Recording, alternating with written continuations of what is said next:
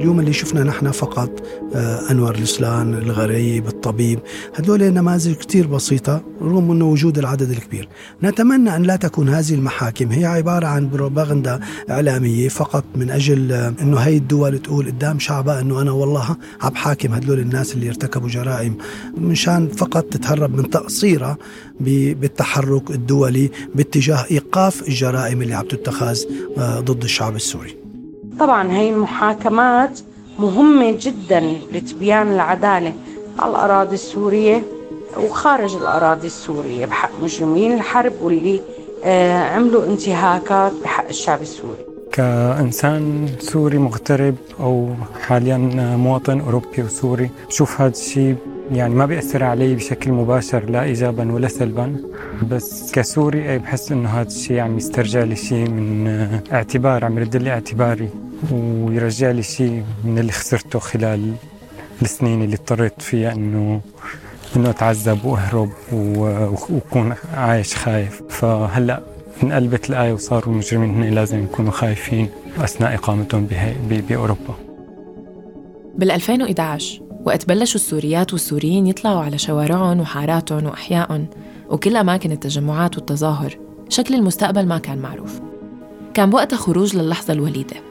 وأمل بشو ممكن يجي بعدها وشو ممكن يخلق من وراها. مثل كل شي مخبى خلف أي بداية المستقبل وملامحه بعيون السوريات والسوريين بهالسياق بالتحديد كان شي لا يمكن استباقه أو توقعه بصورة حتمية. بس الأكيد إنه هديك اللحظات كانت فاصلة. يلي بعدها كان مستحيل يشبه يلي قبلها.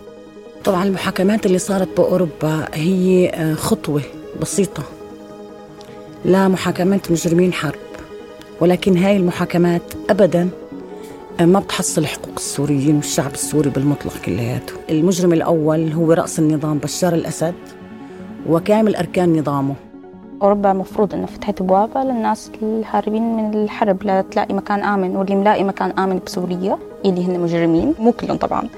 بس يعني اللي قادر إنه يكون هنيك وهو آمن فليش يرجع أوروبا أصلا؟ قضايا هالعصر ما بتنحل إلا بالحديد والنار يعني ما بالعدالة ولا بالسياسة. قضيتنا ما بتنحل إلا بالحديد والنار. اليوم وبعد 11 سنة مكملين وملايين الضحايا واللاجئات واللاجئين والنازحات والنازحين والمعتقلات والمعتقلين والمخفيات والمخفيين قسرا. عم يكون في جهود كبيرة ومستمرة بالمطالبة بكافة أشكال العدالة والمساءلة والمحاسبة والملاحقة القانونية تحديداً من قبل الضحايا أو أهاليهم. وبالأخص اللي موجودين بدول الاغتراب أو اللجوء أو النزوح. ويلي ببعض منا عم تسمح ظروفها وقوانينها ومحاكمها وميزانياتها بملاحقة مجرمي الحرب والجرائم ضد الإنسانية اللي تم ارتكابها بسوريا ضد المدنيين والمدنيات بالتحديد من سنة 2011 وما بعدها. برحلتنا السمعية اللي بنبداها بهالحلقة الأولى من بودكاست قيد المحاكمة رح نبلش من أصعب وأهم التساؤلات. لمين العدالة؟ وشو بتعني؟ وكيف تشتغل؟ ومنا لوين؟ أهلا فيكم بالحلقة الأولى من قيد المحاكمة عن متهمي وضحايا الجرائم في سوريا مدونة صوتية باللغة العربية نصغي فيها لقصص وتجارب حول المشهد المتناثر لجهود العدالة والمحاسبة على الجرائم الجسيمة المرتكبة بسوريا بمحاولة لفهم ألغاز التحقيقات وأسرار المحاكمات القضائية الماضية، الجارية والقادمة. اسمي كريستينا كاغدو ورح كون عم رافقكم خلال حلقات هالموسم يلي رح نصغي فيه لشهود وشاهدات أصحاب قصص وصوت الشارع ومختصات وأخصائيين بالشأن القضائي والحقوقي لنحاول نفكك ونفهم مع بعض لوين ممكن تاخدنا هاي المحاكمات؟ وشو هو معنى العدالة بظل استمرارية رئاسة النظام السوري المسؤول عن انتزاعها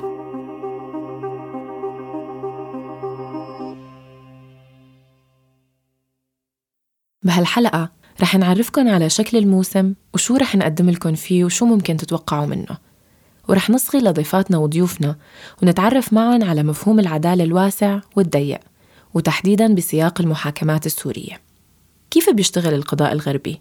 ولصالح مين؟ ومن وين بيتم إنفاق الأموال على هيك محاكمات؟ وليش محاكمات سورية تحديداً؟ كيف بتأثر هاي المحاكمات على سياق العدالة من وجهة نظر عالمية ومن وجهة نظر عربية محلية سورية؟ وشو هي عوامل تحريك هالمحاكمات؟ وشو هي مقوماتها ومضعفاتها؟ رح نتعرف على مين بتابع هاي المحاكمات. وكيف بتأثر على الرأي العام؟ وأخيراً شو هو موقف النظام؟ وعلى أرض الواقع شو مدى تأثير نتائج هالمحاكمات على سياساته الحالية وحكمه المستمر؟ بجانب ضيفاتنا وضيوفنا رح نصغي خلال الحلقة أيضا لأصوات سوريات وسوريين داخل وخارج سوريا وعن رأيهم بالمحاكمات وجهود تحقيق العدالة ومدى تأثيرها وفاعليتها بالنسبة لهم على أرض الواقع. رح نبدأ حلقتنا مع محامي حقوق الإنسان فريتز سترايف وهو أيضا مؤسس 75 بودكاست شركة الإنتاج خلف قيد المحاكمة ويلي بالمناسبة متوفر كمان باللغة الإنجليزية واسمه The Syria Trials Podcast بتلاقوه على مختلف منصات الاستماع وبيتم نشره بالتزامن مع حلقات بودكاست قيد المحاكمة تحديدا يوم الجمعة من كل أسبوع ابتداء من اليوم I'm Fritz Streif. I'm a human rights lawyer. اسمي فريتز سترايف أنا محامي حقوق إنسان عايش بباريس. بركز بعملي على الجرائم الدولية مثل الجرائم اللي ارتكبت بسوريا. لحتى نقدر نفهم كيف وصلنا اليوم لمحاكمات بمحاكم أوروبية وغير أوروبية على جرائم حرب وجرائم ضد الإنسانية بسوريا مهم نبدأ بفهم آلية عمل القضاء الغربي وتحديداً بالدول الأعضاء بالمحكمة الجنائية الدولية. خلونا نرجع شوي بالزمن ونروح للتسعينات وقت تم إنشاء المحكمة الجنائية الدولية. بهداك الوقت كان العالم بعده عم يطلع من تجارب ونتائج الحرب بيوغوسلافيا سابقاً والإبادة الجماعية بسريبرينيتسا والبوسنة والإبادة الجماعية برواندا. وقتها عدد كبير من الدول اعتبروا أنه العدالة الجنائية الدولية هي شيء لازم يتم دعمه بكل الأشكال وأنه محاربة الإفلات من العقاب على الجرائم الجسيمة مثل الإبادات الجماعية لازم يكون جزء من حركة عالمية وما تكون عم بتطبقه الدول بشكل منفرد فقط. كانت لحظة شبيهة باللحظة اللي اتفقوا فيها دول كتيرة بعد الحرب العالمية الثانية ليتم إنشاء الإعلان العالمي لحقوق الإنسان. لكن المحكمة الجنائية الدولية ما انضموا لكل الدول. الولايات المتحدة الأمريكية انضمت للمحكمة بالبداية لكنها تراجعت عن توقيعها وانسحبت. روسيا مش من ضمن الأعضاء ولا الصين ولا الهند ولا إسرائيل.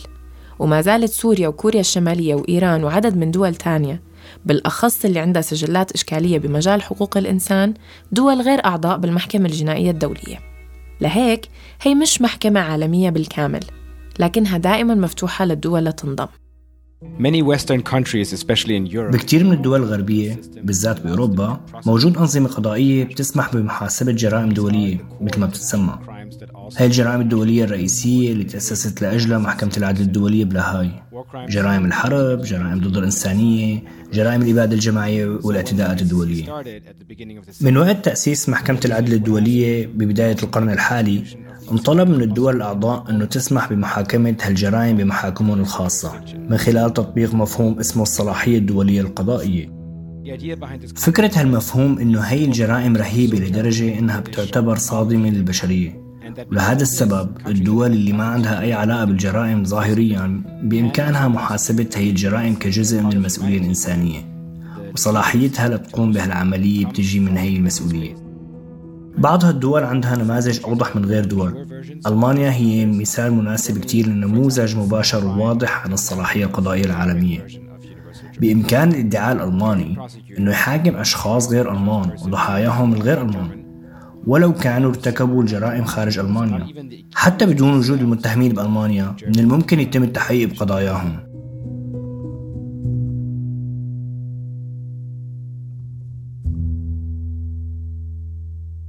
بشكل عام اللي عم يحكيه فريتز هو الشكل المباشر لكيف ممكن تتم عملية محاسبة المجرمين المقيمين بالدول الأعضاء بالمحكمة الجنائية الدولية.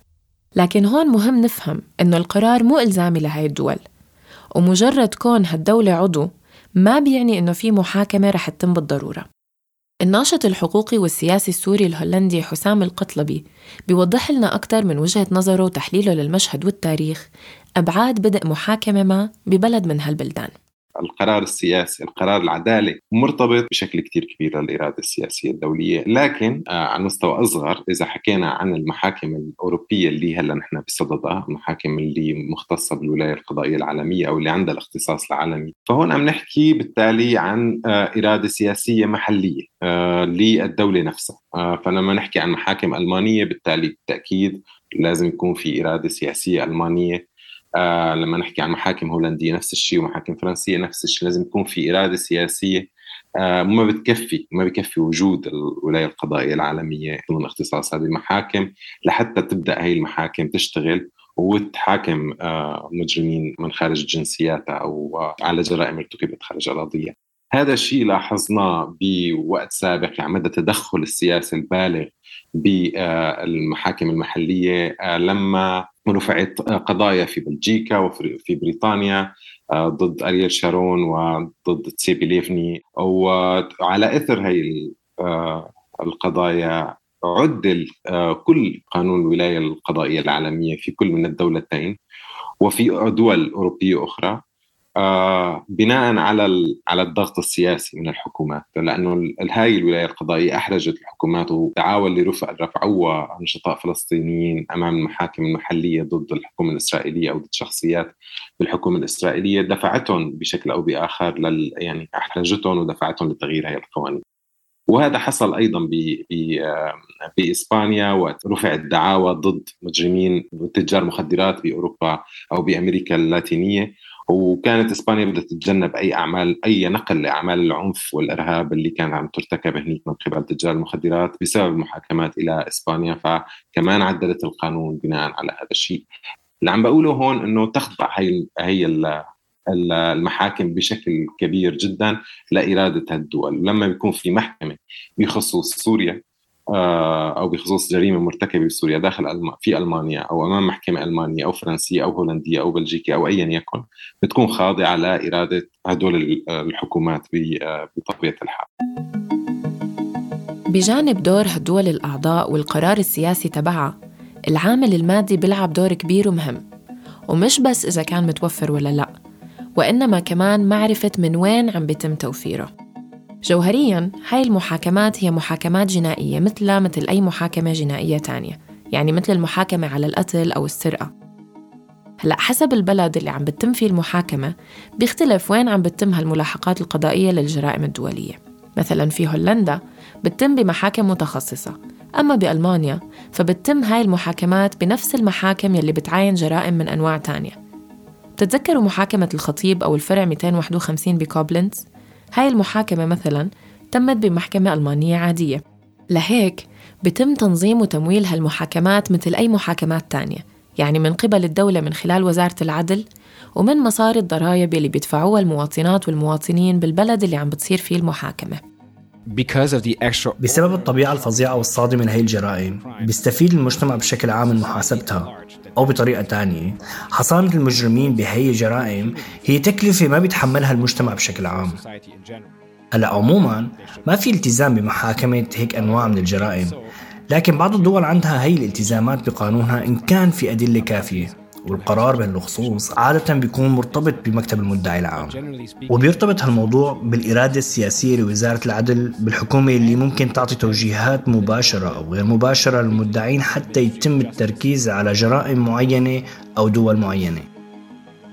هلأ بالمثال الألماني الإرادة السياسية اللي بدونها ما كانت صارت هي المحاكمات بتعود لحقيقة إنه بألمانيا هلأ في حوالي 800 ألف سوري وسورية. غالبيتهم عانوا من العنف والقمع اللي صار على ثورتهم والحرب اللي لحقتها وبيستحقوا العدالة.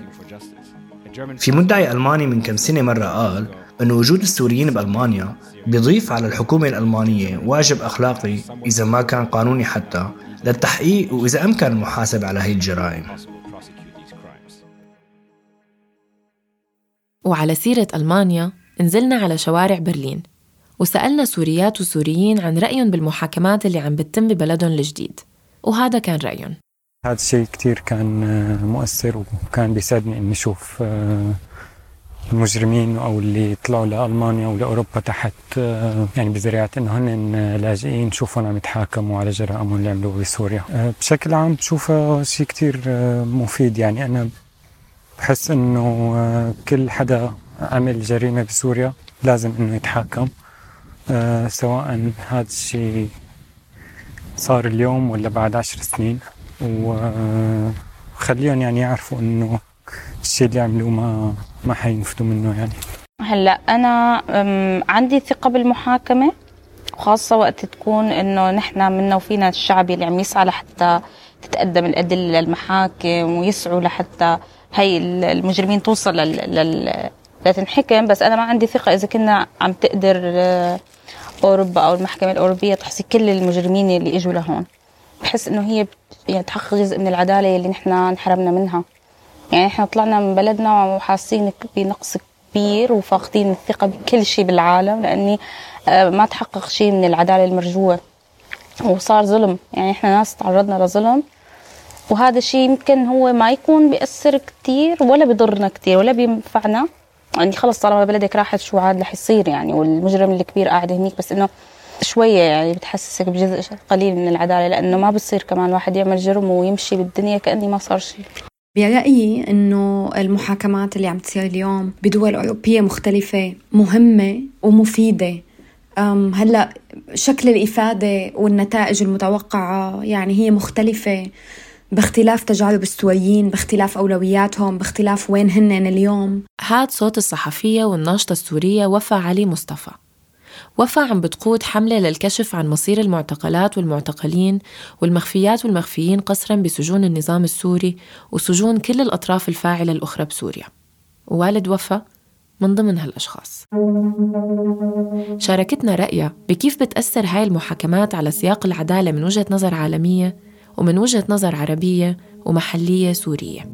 هاي المحاكمات هي فرصة للضحايا لمواجهة الأشخاص مرتكبي الانتهاكات اللي كانوا مسؤولين عن اعتقالهم وعن تعذيبهم. وبالتالي هي فرصة كتير مهمة لهدول الضحايا. لاستعادة وكالتهم نوعا ما على قصصهم وعلى معاناتهم. ويمكن لإيجاد خاتمة على الأقل على مستوى شخصي آه، لهي التجربة المأساوية. على مستوى تاني هاي المحاكمات مهمة كونها هي لا تقول جديد لكنها تثبت على مستوى قضائي وقانوني إنه سوريا الأسد هي دولة تعذيب إنه التعذيب والاعتقال ممنهج وواسع الانتشار في سوريا وإنه سوريا غير آمنة لأي شخص ولا يمكن إعادة ترحيل اللاجئين آه، إليها. وأنه نظام الأسد آه، نظام مجرم لا يمكن ولا يجب إعادة تطبيع العلاقات الدبلوماسية والسياسية معه. الاعتقال مستمر في سوريا. الأشخاص لا يزال يتم اعتقالهم وإخفائهم وتغييبهم في سوريا. وأيضا أنه مئات الآلاف من الأشخاص لا يزالوا في السجون سواء في سجون النظام السوري ولا في سجون داعش أو كل الأطراف التي تستخدم الاعتقال كأداة حرب. والأولوية هي أنه هدول الأشخاص لا يزال ممكن إنقاذهم. آه، وأنا بعتقد أنه هاي المحاكمات هي لحظة مهمة لحتى نرجع نكرر هي الرسالة اللي هي بالنسبة إلي يعني هي رسالة الأساسية والهدف الأساسي من كل شيء عم حاول ساوي آه، من سنوات. بعتقد إنه هاي المحاكمات هي جزئية صغيرة بس من كل الجزئيات اللي موجودة على مستويات مختلفة واللي مع بعضها تساهم بخلق سردية مضادة لسرديه النظام السوري المدعوم بالبروباغندا الروسية. وهي السردية كمان اللي للأسف الإعلام العالمي قبلها واستخدمها آه، لمصالح معينة واللي بتقول إنه آه، ما حدث في سوريا هو حرب أهلية وإنه آه، اليوم سوريا تقود حرب على الإرهاب حرب ضد الإرهاب. وهذا طبعا إنكار لحقيقة أنه ما حدث في سوريا هو ثورة سلمية والأشخاص اللي اليوم موجودين في السجون هن مش أسرى حرب هن مش إرهابيين هن معتقلين سياسيين معتقلين ومغيبين لأنهم تجرأوا على الوقوف بالشارع والمطالبة بواقع أفضل لأنفسهم ولمجتمعاتهم. بالنسبة إلي هاي المحاكمات مفيدة لكن بالضرورة يجب استخدامها سياسيا وهذا ما لم يحدث حتى اليوم. أنا اليوم بعرف إنه العدالة اللي أنا بدي إياها كابنة شخص مختفي قسرا من تسع سنوات هي مش قائمة على الانتقام آه، مش قائمة على آه، إرضاء آه، يعني حالات فردية هي عدالة بتمنى أنه تكون شاملة للجميع وبتمنى أنه تكون تحدث داخل سوريا بوجود أشخاص سوريين قائمين عليها. نحن بحاجة نفكر بشو هي العدالة لسوريا شو هي المحاسبة. شو يعني التعويض؟ شو شكل هذا التعويض؟ هل العدالة لطرف واحد من من ضحايا اللي عم يصير اليوم بسوريا هي عدالة لسوريا؟ هل تكفي؟ بعتقد هي تساؤلات يعني أنا عم فكر فيها مع من, من لما بلشت المحاكمات وبعتقد إنه رح نضل عم نفكر فيها لفترة طويلة وبرأيي هذا مش بالضرورة يعني شيء كويس وشيء مهم وفرصة يعني لحتى نعمل تصور خاص فينا وخاص بسياقنا أه، حول كل هاي المفاهيم. حكينا كمان مع الحقوقية والنسوية السورية جمانة سيف مستشارة قانونية بالمركز الأوروبي للحقوق الدستورية وحقوق الإنسان. تشتغل على قضية العدالة للسوريين وبتركيز خاص على التحقيق بجرائم العنف الجنسي والجنساني اللي ارتكبت بالمعتقلات السورية. كان لها أيضا رأي ومداخلة من باب قانوني وحقوقي بخصوص تأثير هاي المحاكمات على سياق العدالة لسوريا. أهمية هي المحاكمات وهي التحقيقات أول شيء إنه هي عم تحفظ هي الأدلة عم تحفظ آه، هي الشهادات مع الوقت مع الزمن. إنه حتى الذاكرة بتتشوش. إحساس الظلم كمان بضل عميق وبتم عم بيتفاعل وتبعات هاي الجرائم بتم يعني إلى إلى الآثار السلبية وتبعاتها. أنا برأيي هي هذا المسار وهي المحاكمات اللي عم بتصير رغم إنه حجم الجرائم اللي صارت اللي ارتكبت واللي ما زالت ترتكب أكيد إنه آه، ما بتتناسب ابدا. ولكن برمزيتها بما كشفت من حقائق بما فحصته من أدلة وإثباتات وتوثيق كل هاي الجرائم. كثير مهم بس لا مهم إلنا أنه حتى كأساس لنبني عليه لاحق. يعني وقت حكم كوبلنز بيفحص السياق العام للارتكابات حتى بيرجع لقبل 2011 بيرجع ل آه للسبعينات وقبل حتى. ليشوف إنه من وين شو جذور هي هذا الإجرام اللي اللي آه، يرتكب بسوريا ويفحص يعني أسبابه دوافعه ويثبتها بملف قضائي خلص. يعني ما في حدا ينكر فيه بعد ما فحصت كل هي الأدلة وفحصت الجرائم وارتكاباتها. هون وقت بتيجي آه، محاكمات لاحقة. ما عاد بيكون يعني ما عاد في ضرورة أو ما عاد في حاجة حتى مو بس ضرورة إنه تنفحص كل هالأدلة لأنه هي اوريدي آه، موجودة. ممكن يبنى عليها وبالتالي السياق انعرف. الآليات اللي اللي اتبعت فهي هي كلها موجودة. ممكن أي محاكمة ثانية لاحقا مستقبلية تبني عليها. فأنا برأيي إنه لها أهمية آه، كبيرة. ويجب أن يبنى عليها ويجب أن يستمر وما توقف عند هذا الحد. النقاط اللي ذكرتها جمانة سيف بتساعدنا نفهم السياق على المدى البعيد خصوصا إنه الشارع عنده رأي تاني. هاي كانت ردود سوريات وسوريين بشوارع سوريا وتركيا لما سألناهم عن رأيهم وثقتهم بهالمحاكمات ومدى فعاليتها. المحاكمات اللي عم تصير آه، ما رح تخدمنا كقضية سورية أبدا لأنه ما عم تأثر على اللب الموجود عند النظام. أنا كسورية مقيمة داخل سوريا العدالة بتعني إلي التوازن والإنصاف والمساواة جميعا أمام سلطة قضائية مستقلة. أنا أثق بالعدالة بنسبة مية بالمية. بالنسبة إلي ولو كانت محاكمات شكلية لكنها دايما بتمهدنا وبتذكرنا أنه يوجد هناك عدل في العالم. يعني ما بعتقد بدها القصة كل هالتفاصيل هي والمصاري والمحاكم والروحة والجاي. طب المجرم موجود اللي هو بشار الأسد. فهن ماسكين القصة من آخرها ومبلشين يلا. أوكي أنا انبسطت يعني. ما بقول لا انه انبسطت وقت شفت ضباط عم يتحاكموا. يعني خطوة ما بعرف الغريق بيتعلق بأشياء. قلت يلا ممكن بيوم من الأيام نلاقي بشار الأسد واقف ورا هالقضبان هي. بس كلها شيء خجول يعني اليوم. المحاكمات اللي عم بتتم أو رح تتم بالمستقبل وبعيداً عن كيف ممكن يختلف عليها السوريات والسوريين داخل وخارج سوريا هي بالنهاية محاكمات تم جلبها للقضاء بفضل عوامل كتيرة أهمها وعلى راسها الضحايا وأهاليهم والشهادات والشهود والمؤسسات الداعمة إلهم بشتى الطرق والأشكال. ومن هون لوقت ما يصير في حكم للرأس الأكبر نحتاج نفهم السياق المحرك للعملية القضائية ومعوقاتها والتحديات اللي ممكن توقف بطريق تحقيق العدالة. حسام القطلبي بيحكي لنا عن بعض هالمحركات والتحديات والمعوقات. في دول تقتصر المحاكمات فيها على ناس مرتكبين يحملون الجنسية أو ضحايا يحملون جنسية هذه الدولة. وفي آه، اختصاص قضائي عالمي يعني بحاكم حاكم غيابية. فالموضوع مختلف من دولة لأخرى. بالتالي هي أحد المقومات المهمة. أو مدى توفر الأدلة بمعنى هل هل الأدلة والشهود موجودين؟ هل الأدلة والشهود نوعيين؟ هل قادرين على الانتقال بالشكوى لتحويلها إلى إلى قضية؟ هي مهمة المدعي العام هو ينظر بالشكوى المقدمة ويتمحص فيها ويقرر إذا هي قادرة أن تتحول لقضية أو لا. الأهم التحديات أنا برأيي اللي تعيق عمل هدول آه، المحاكمات إذا بعدنا عن السياسة آه، أو عن الإرادة السياسية هي قدرة هي المحاكم المحلية آه، اللي أحيانا بتكون بقرى صغيرة نائية بألمانيا أو بفرنسا أو بدول أوروبا الغربية. آه، الطاقم القضائي أقصد على فهم السياق السوري فهم آه، يعني تركيبة الأجهزة الأمنية بسوريا آه، طبيعة الانتهاكات المرتكبة بسوريا. فهم الإحساس باللغة إحساس باللغة لأنه الترجمة أحيانا بتكون ما بتكون كافية. آه هذا السياق أنت بحاجة لأنه لأنه ما فيك تبني قضية من دون من دون الكونتكست. فهي أهم التحدي أهم تحدي أنا بشوفه. اللغة والترجمة ومشاكلهم.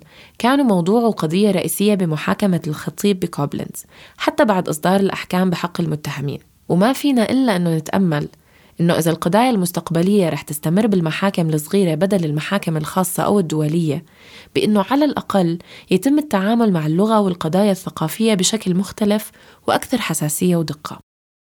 بالرجوع للحديث عن الشهود والضحايا فريتز بيشوف الموضوع من جانب تاني. وبيطلع عليه تحديدا من زاوية بتخصهم. بقصد الضحايا اللي بتقدموا بشهاداتهم لتحريك هاي المحاكمات. هالمحاكمات اللي بتصير بمحاكم محايدة ملتزمة بسلطة القانون تحترم حقوق المدعى عليهم وبتعاين الأدلة المقدمة بطريقة نقدية وبتنفذ عدد من مهماتها الضرورية. بيعطوا منصة للضحايا ليقولوا قصصهم لسلطة رسمية بتقدرهم وبتقدر تجربتهم. هيك بيساهموا كلهم بتوثيق رسمي لكتير من الجرائم اللي جرت بسوريا من 2011 وحتى قبلها. شفنا هالشي بكوبلينز.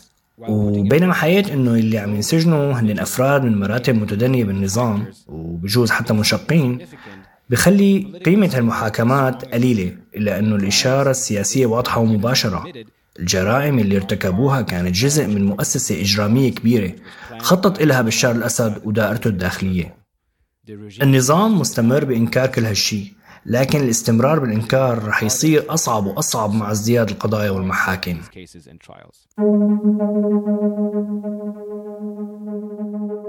بعض الجهات الإعلامية والإخبارية اللي غطت وتابعت محاكمة الخطيب بكوبلنز كان لها دور كبير بنشر المستجدات والتفاصيل عن هالمحاكمة للسوريين وللعالم بالأخص للي ما بيحكوا أو بيفهموا اللغة الألمانية.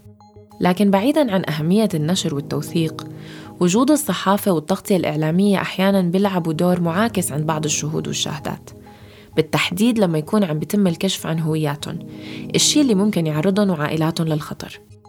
لكن بكل الأحوال عمل الصحافة عم يصير أصعب وأضيق والتغطية عم تقل خصوصا بالمحاكمات اللي عم تكمل هلأ بمدن ودول تانية.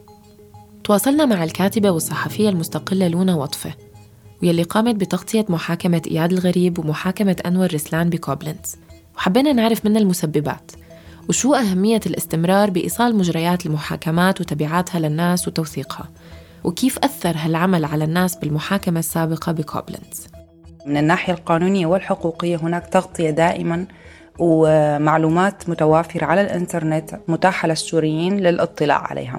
ولكن كتغطية صحفية للأسف حتى الآن بالمحاكمات الثانية لم يتم توفير هذا الشيء. ممكن نعزي هذا الموضوع للانشغال العام بألمانيا الحياة المهنية آه، صعوبة اللغة آه، بعض القيود يلي عم تفرضها المحكمة أحيانا.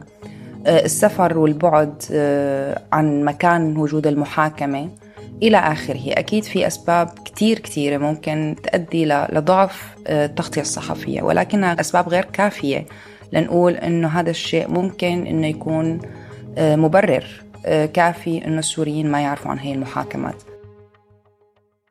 هاي المحاكمات أثرت كتير بالرأي العام آه، السوري خاصة والعربي عامة والدولي أيضا. آه، كان في إلها بعد سياسي وأكيد في إلها بعد حقوقي وقانوني وشيء يتعلق بالعدالة آه، الخاصة للسوريين وأيضا العامة لكل البشرية. اختلفت الآراء بهي المحاكمات بين أشخاص معها وبين أشخاص ضدها. الأشخاص اللي معها حققوا أحسوا أنه هن حققوا جزء من العدالة فيها. الأشخاص اللي ضدها كانوا شايفينها إما هي غير كافية أو مرحلة سابقة كتير عن الشيء اللي هن بدهم إياه وإما هن شافوا إنه هي لا تمثل العدالة الانتقالية مثل ما هن بيشوفوها تبتدي بسقوط النظام بسوريا وبعدين بنبلش نحاكم هدول المجرمين. وبالتالي اختلاف الرأي لا يفسد للود قضية. لا أعتقد أنه هذا الاختلاف والتأثير بالرأي العام آه، كان مشكلة حقيقية وإنما برأيي هو أغنى آه، هي النقطة كتير بحياة السوريين لأنها هي شيء جديد تماما عم نعيشه نحن كسوريين حاليا. جربنا النزوح والاعتقال والقتل والتشريد وكل ما يمت للحرب بصلة ولكن العدالة بمفهومها الحقيقي هي شيء جديد جدا بالنسبة لنا عم نجربه هلأ وهي المحاكمات عم تفتح هذا الباب لهي التجربة الجديدة بالنسبة لكل السوريين سواء موجودين في أوروبا أو بسوريا أو ما زالوا لسه في المعتقلات حتى الآن. محاكمة الخطيب بكوبلنز انتهت بس في غيرها محاكمات تانية بلشت. ورح نكون عم نتابعها معكم بكل حلقة من حلقات موسمنا. وكوننا بوجه موجة ومرحلة جديدة من المحاكمات والقضايا يلي عم بتتم بدول مختلفة هالمرة ومو بس بألمانيا. ولأنه مثل ما ذكرت لونا الرأي العام وتحديدا السوري مختلف كتير عليها فكرنا ننزل على الشوارع ونسأل سوريات وسوريين عن رؤيتهم للقادم. ونتعرف على آرائهم حول إذا كانت هاي المحاكمات رح تأثر بأي شكل من الأشكال على النظام السوري المستمر لليوم. إذا ما تحاكموا مجرمي الحرب بما فيهم رأس النظام وكافة أركان النظام السوري كل من ارتكب جرائم حرب بحق السوريين من كافة الأطراف لا يمكن أنه يكون في عدالة وتتحقق العدالة للشعب السوري. هلأ أي محاكمة لأي مجرم ارتكب جريمة بحق الشعب السوري جريمة جريمة حرب أو جريمة ضد الإنسانية طبعا أكيد بتخدمني وأكيد بتسلج صدري لأنه أنا بحس أنه بدأ الآن أنه يؤخذ آه، حقوق بعض الأفراد. محزن هو أنه أنت تعملي جرم بمكان وتستني العدالة من مكان تاني. كتير محزن محزنة الفكرة. مفروض أنه مكان ما صار الجرم هذا تتم هنيك المحاكمة. بس هي سوريا صايرة مثل الثقب الأسود أصلاً. بتحسي إنه غابة ما حد فيني اسميه غابة ثقب أسود فعليا يعني. يعني الشيء اللي هني ليش ما هنيك تصير المحاكمات؟ وليش ما هنيك تصير؟ ونحن صار عندنا مناطق أصلا محررة ما يعني عندنا صار إنه ليش ما عم نصير نسمع. ما عم تسمع غير توريد مجرمين وشو هاد؟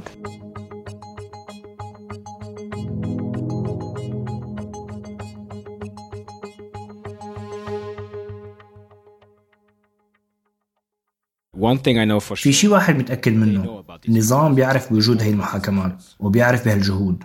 يمكن يتظاهروا بالعلن إنه مو فارقة معهم ويرجعوا يعيدوا القصة المعدلة عن عدم وجود تعذيب بسوريا ويحاولوا يتجاهلوا الوقائع والقرارات القضائية ويحاولوا يكتبوا نسختهم من التاريخ لكن أنا متأكد أنه كل ما زادت هي القضايا والأحكام رح يصير أصعب تصديق رواية النظام. بالنهاية وقت بدنا نحكي عن العدالة العدالة ضمن موضوع يعني تشمل أكثر من مسألة آه، المحاكمات الجنائية. آه، تشمل التعويضات وتشمل تشمل مجموعة الإصلاحات تشمل آه، جبر الضرر. وما إلى ذلك يعني للضحايا لحتى يكون في إحساس بالعدالة من قبلهم لكن بالنسبة يعني بموضوعه المحاكمات الجنائية يجب أن تكون المحاكمات الجنائية لكبار المنتهكين لكبار المجرمين حتى يكون في أثر آه، ملموس وواضح لهيك هذا النوع من العدالة وهذا النوع من المحاكمات على النظام. العدالة الدولية معروفة إنها بتاخد وقت طويل أطول بكتير مما بيستحقوا الضحايا. لكن الأوان ما بفوت أبداً. وعلى الرغم من أهمية الاستمرار بالضغط والمطالبة بمحاكمات بتطيح بالقوة والسلطة اللي ما زالت على رأس حكمة بسوريا وتجلبها للمساءلة والمحاكمة. مهم ما نهمل أي نوع من أنواع المحاكمات اللي عم بتتم وبكل أشكالها وأنواعها والأشخاص اللي عم يتحاكموا فيها. ونعتبرها أداة تعلم وفهم للقانون كيف بيشتغل وشو بيحقق. وخصوصا بحديثنا بالسياق السوري لساتنا بأول الطريق ولسه رح نشوف تطورات وأحداث كتيرة برحلة البحث عن المساءلة والعدالة لسوريا وناسا. ابتداء من الحلقة القادمة من بودكاست قيد المحاكمة رح نبدأ بالحديث بشكل مخصص وبكل حلقة عن قضية أو محاكمة جارية أو قيد الجلب وقصة شخصية مرتبطة فيها لتساعدنا نفهم أبعادها ونتائجها المحتملة. منلتقي الأسبوع الجاي. هالحلقة من كتابة وإعداد وإنتاج سليم سلامة. تحرير وتحقق من المعلومات ميسقات تقديم ومشاركة بالتحرير كريستينا كغدو مشاركة بالتحرير فريد سترايف. وباقي فريق العمل اللي بتلاقوا بعض أساميهم بالوصف المكتوب. أنتجت هالحلقة بدعم من وزارة الخارجية الألمانية عبر معهد العلاقات الخارجية وبرنامج تمويل تسيفيك